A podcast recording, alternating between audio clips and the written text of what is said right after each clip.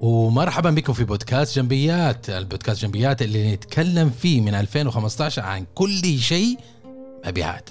أنا مستضيفكم أنور جنبي استشاري مبيعات ومؤلف كتاب فلسفتي في المبيعات. يعطيكم العافية وحياكم وشكرا لانضمامكم معنا في حلقة اليوم. اليوم بنتكلم وفي الحلقة 160 اللي بعنوان لا تسمح لميزانية المبيعات الخاطئة. تدمر عملك.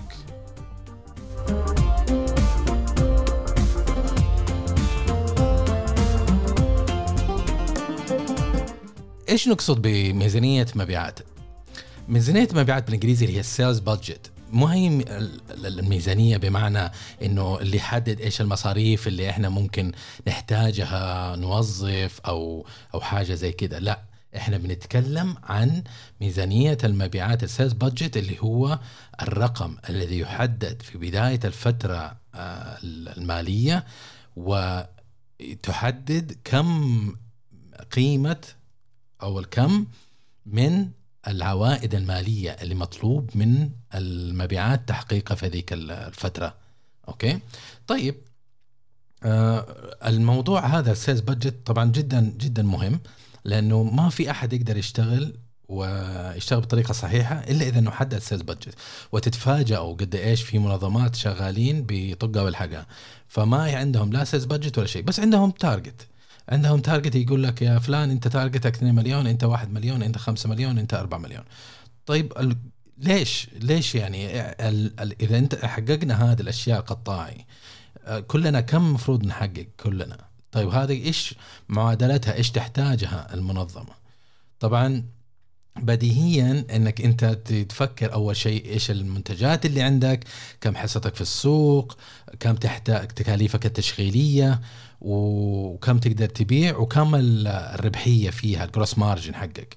عشان تحسب النت نت بروفيت حقك انت صافي الربح كم انت من صافي الربح انت حتفوز في نهاية الفترة. لأنه في نهاية المطاف انت تبي تحقق مال تحقق مو بس مبيعات تحقق ربح. يعني ما تقدر تشغل business مثلا وتقول والله أنا ربحيتي نص في المية. ما ما حتقدر تسدد فواتيرك لأنه أنت بس قاعد تدور فلوس يعني من غير من غير آه، نمو. أوكي؟ لكن الحقيقة إن اللي أنت عليك إنك تسويه إنك أنت تحدد أول شيء إيش السوق إيش هذا وتعرف الفكرة تعمل دراسة وتعمل دراسة برضو على المنافسين كم هم يحققوا سنويا عشان تعرف أنت كم أنت ممكن تحقق. أوكي؟ على حسب بناء على الحصة السوقية اللي أنت تتمتع فيها. وبناء عليه على حسب الموارد عندك عدد الموظفين ومهاراتهم كم ال efficiency حق ال process حقك. تيجي تقيم كم ال sales target ممكن يكون. أوكي؟ طبعا في 2015 على ما أذكر انضميت لأحد المنظمات وجاني المدير العام ذيك الأيام كان مدير عام مسؤول عن التسويق والمبيعات. هذا الشخص طبعا يعني تخصصه supply chain أصلا كان كان مدير مدير مستودع أو شيء زي كده ورقوه الجماعة وحطوا مدير التسويق والمبيعات ما انتقاص له لكن أنا كشخص لما انضميت للفرقة للفريق جاني هذا وقال إنه والله ال target حقك السنة القادمة آه خلينا نقول يعني ما نبي نجيب أرقام حقيقية بس تقريبا آه خلينا نقول إنه آه 20 20 مليون نفرض. okay؟ فلو قلنا 20 مليون أنا قلت له okay بس هل السنة الماضية حققنا بهذا المستوى؟ يعني أنا بعرف أنا كيف ال reference أنت وصلتوا لل, لل 20 مليون. فالرجل يعني ما كان كثير يعني ياخذ ويعطي كان مصر إنه لا خلاص 20 مليون 20 مليون. ليش 20 مليون؟ لأنه مجلس الاداره قالوا 20 مليون، خلاص إذا مجلس الاداره قالوا 20 مليون أنا إنسان أبغى وظيفتي فأقول لهم موافق وبعدين في ديسمبر السنة يحلها حل أحطها على واحد من الموظفين ولا ولا أنا أكون قدي مشيت أصلا. فهذه إشكالية اللي ممكن تصير في ال sales target. ال sales target مفروض زي ما قلنا إحنا شرحنا إنه إنه في خطوات في فكرة فيها هي هي ولازم تكون واقعية ما تكون بس رقم عشان إحنا نبغى هذا الرقم وإذا ضغطنا على المبيعات حي حي حيحققوه. لا الفريق المبيعات ومدير المبيعات ما هم انبوبه معجون أسنان تعصره ويطلع معك شيء. okay؟ أتذكر في 2010 كان في مدير مدير region manager كان يقول لنا هذا الشيء كان يقول لنا الموظفين أنا أشوفهم كمعجون أسنان أعصرهم ويطلع منهم. حتى لآخر رمق كل ما قلت خلاص انتهيت منه تضغط عليه يطلع لك شوية معجون فهذه يعني فكرة يعني تيلورية تقريبا يعني ما, ما هي ما هي بناءة ما هي نظرة صحيحة إنه إحنا ننظر أو ندير أعمالنا بهذه الطريقة الغير آه غير كفأه لكن الحقيقة الطريقة الصحيحة إنه زي ما قلنا إنه فيها حسبة فيها طريقة فيها عمل عشان أنت ما لازم ما تحط sales budget و... وتمضي في السنة وبعدين ما تحققه لأنه في أشياء تبعات عليه. okay؟ وحنشوف في في المحاور الأخرى آه ليش ليش جدا مهم إن نكون دقيقين آه في عمل ال sales budget طيب مين اللي المفروض إنه يعمل ال sales budget ال sales budget على حسب المنظمة لكن عموما هي تبدأ من فريق المبيعات. فريق الم... لما يجي يقال لمدير المبيعات يقول له يلا ظبط لنا ال sales budget حق السنة القادمة فهو إيش يسوي؟ هو يرسل للموظفين تبعونه. كل واحد أعطوني إيش ال sales اللي تبي تحققوه السنة الجاية. فيجمعها. طبعا إذا كانوا آه، يعني سوبر زيادة آه، ذكاء عندهم نوابغ. فيحاولوا يحرقوا يحرقوا ال target على النازل. لو تجمعها ما يجيب شيء يعني المفروض. أنت ك sales manager أنت تحدد. okay؟ فتيجي ترجع لل sales هذا وتفهم منهم على اي أساس يمكن في انتكاسة يمكن في ما في مشاريع يمكن ما تدري إيش السبب. فافهم منهم فالأرجح إنهم هم ما يبوا مسؤوليات فبيجيبوا رقم سهل ويجيبوا ال target حقهم وياخذوا البونص وينبسطوا. ففي في تضارب مصالح في النقطة هذه. لكن بسائر الأحوال هي تبدأ من ال sales team يعطوك الأرقام ال manager المدير المبيعات يجمعها كلها يحطها مع بعض ثم يقدمها إلى المدير العام والمدير العام يقدمها لمجلس إدارة إذا كان عندهم مجلس إدارة ما هي شركة أهلية ما هي شركة عائلية. طيب في هذه الحالة آه، السلسلة إحنا يعني حددناها لكن مين اللي يستخدمها؟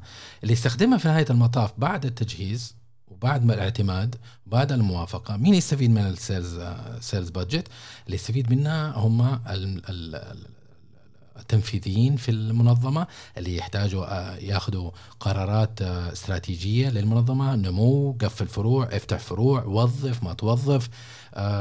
وبرضه الشركات إذا كانوا شغالين برضه finance team يحتاجوا عشان ال controller يحتاج إنه يتأكد إنه كاش ولا ال CFO يحتاج إنه يتأكد إنه إنه والله ال cash flow حقنا okay تدفقات مالية okay ما نجيب خسارة ونجيب إفلاس وبعدين ما نقدر نعمل عملياتنا أو ندفع رواتب أو نسدد فواتيرنا.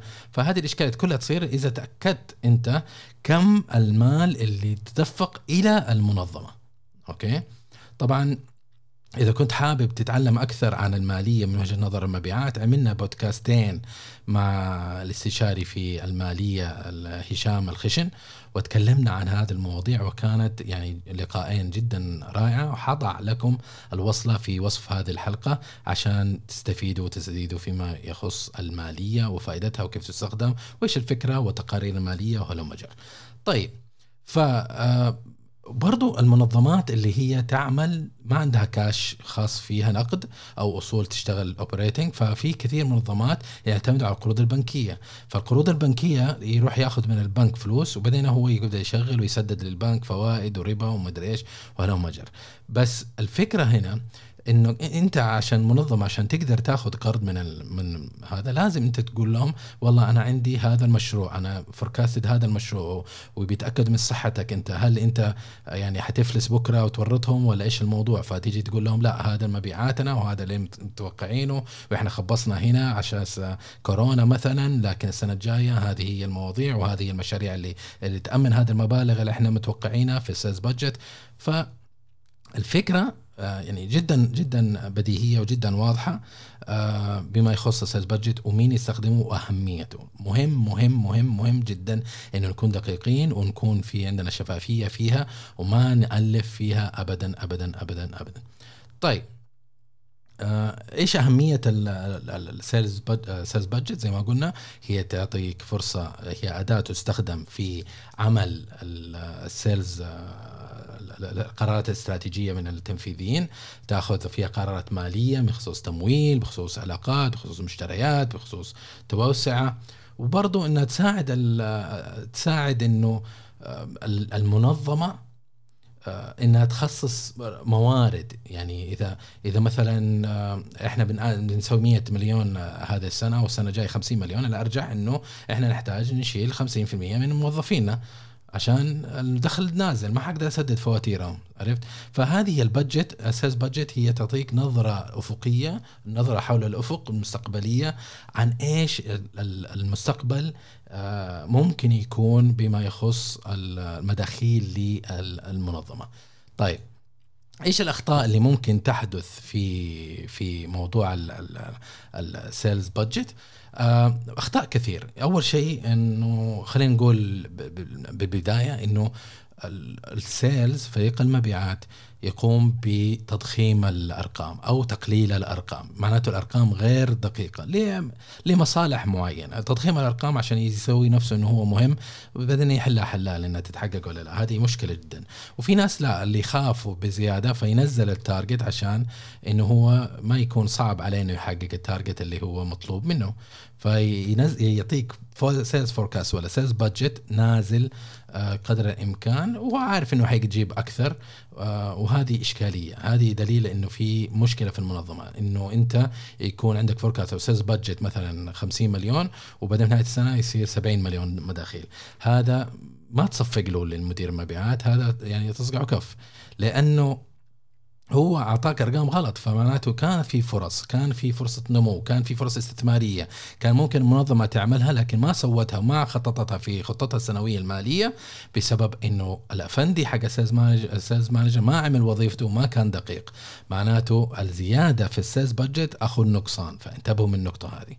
طيب كيف آه الأخطاء الثانية اللي ممكن تصير إنه يضعوا أهداف غير واقعية زي المثال اللي قلت لكم عليه اللي حاط لي ثلاث أضعاف ال sales target حق السنوات الماضية ولما وناقشته ما عنده جواب ولا شيء وعملت دراسة واكتشفت إنه بدل 50 20 مليون حنحقق السنة بسبب ده ده ده وعلى حسب الكفاءة وعلى حسب المعطيات والمتغيرات في السوق وعلى اللي صاير برا فبناء عليه آه قدرت أنا اقيم من 20 مليون وحزره وقفلنا السنة على 20 مليون. 20 مليون ناقص وزايد ما تفرق بس إنه هذا اللي جبناه مو 50 مليون. انتهى ما حنجيب 50 مليون.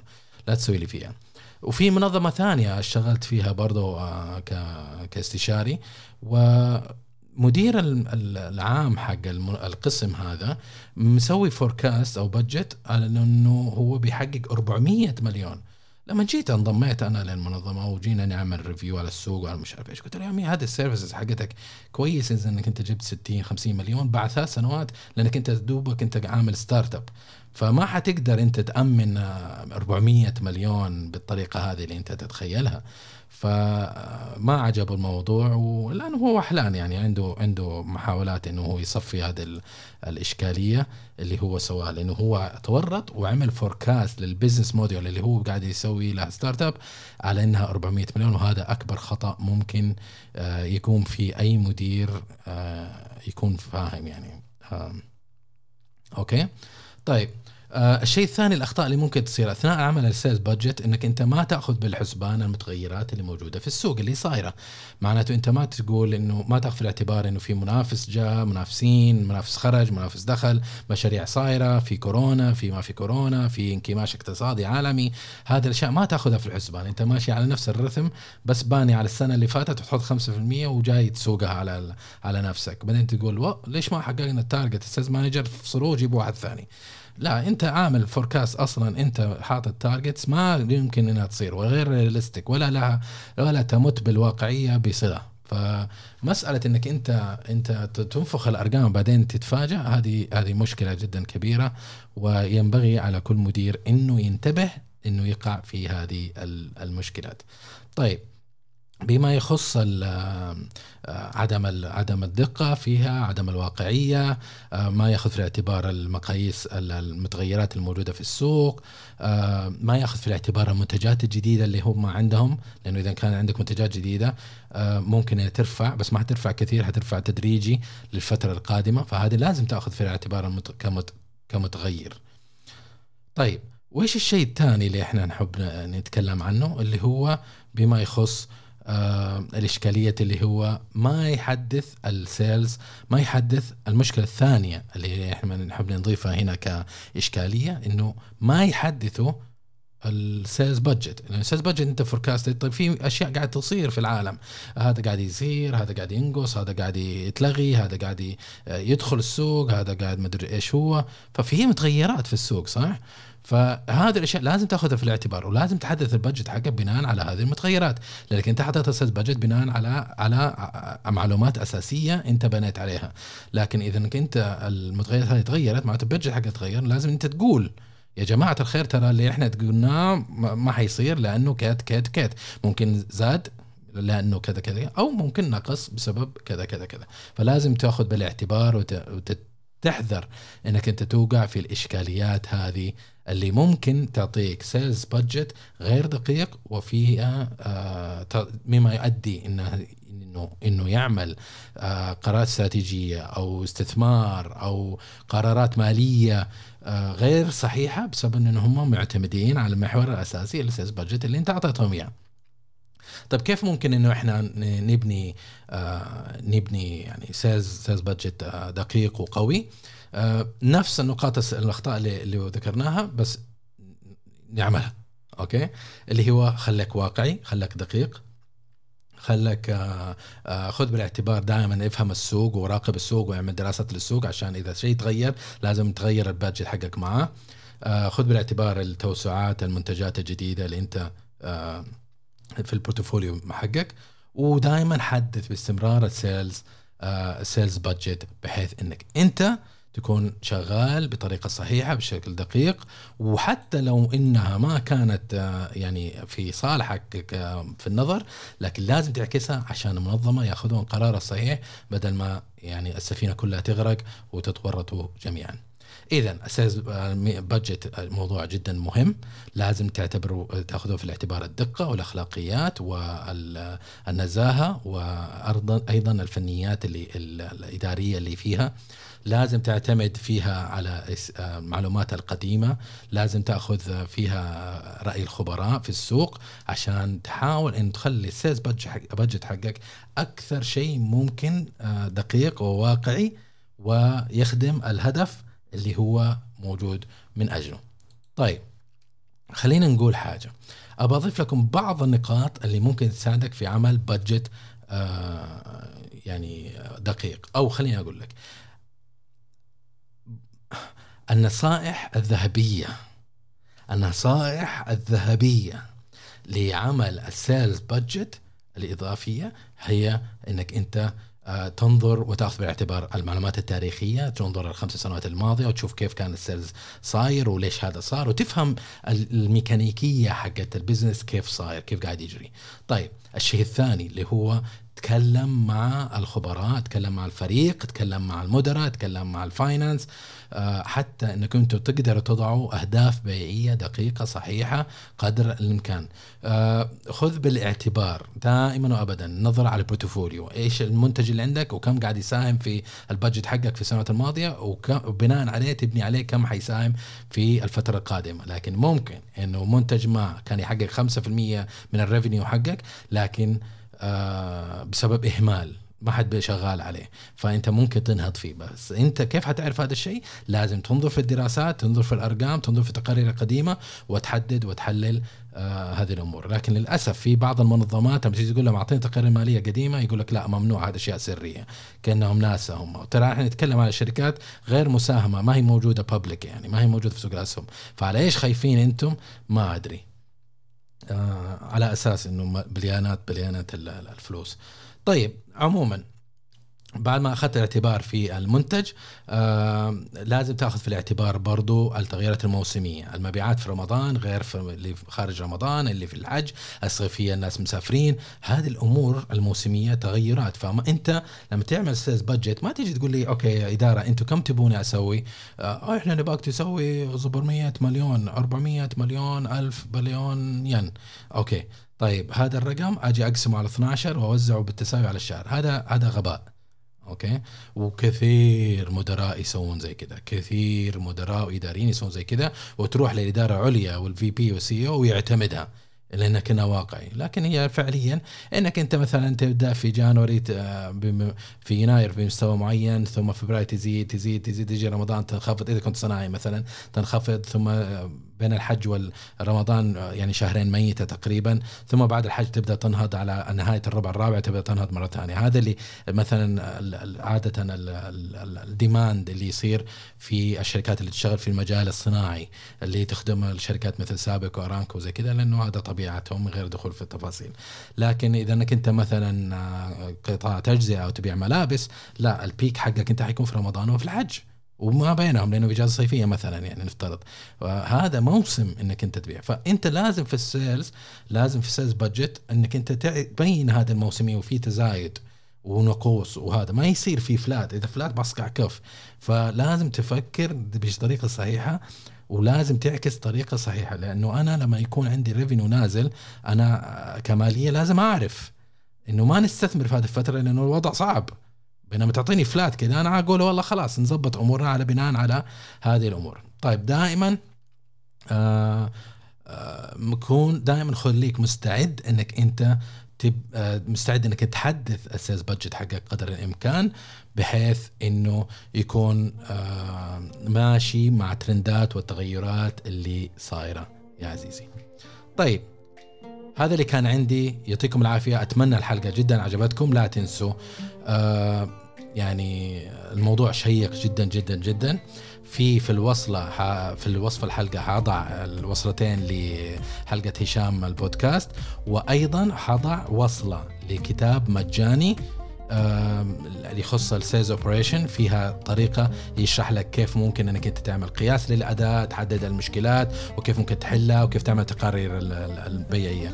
أتمنى إنكم تعملوا تسجيل فيها وتعملوا download وتتهنوا بهذا الكتاب لأن الكتاب هذا جدا جدا جدا مهم وفيها نقاط جدا محورية بعضها حتعرف المعلومات لكن أكثرها حتكون جديدة عليك أو تنشط لك إياها. okay؟ يعطيكم العافية. وهذا كان عندي وفي أمان الله.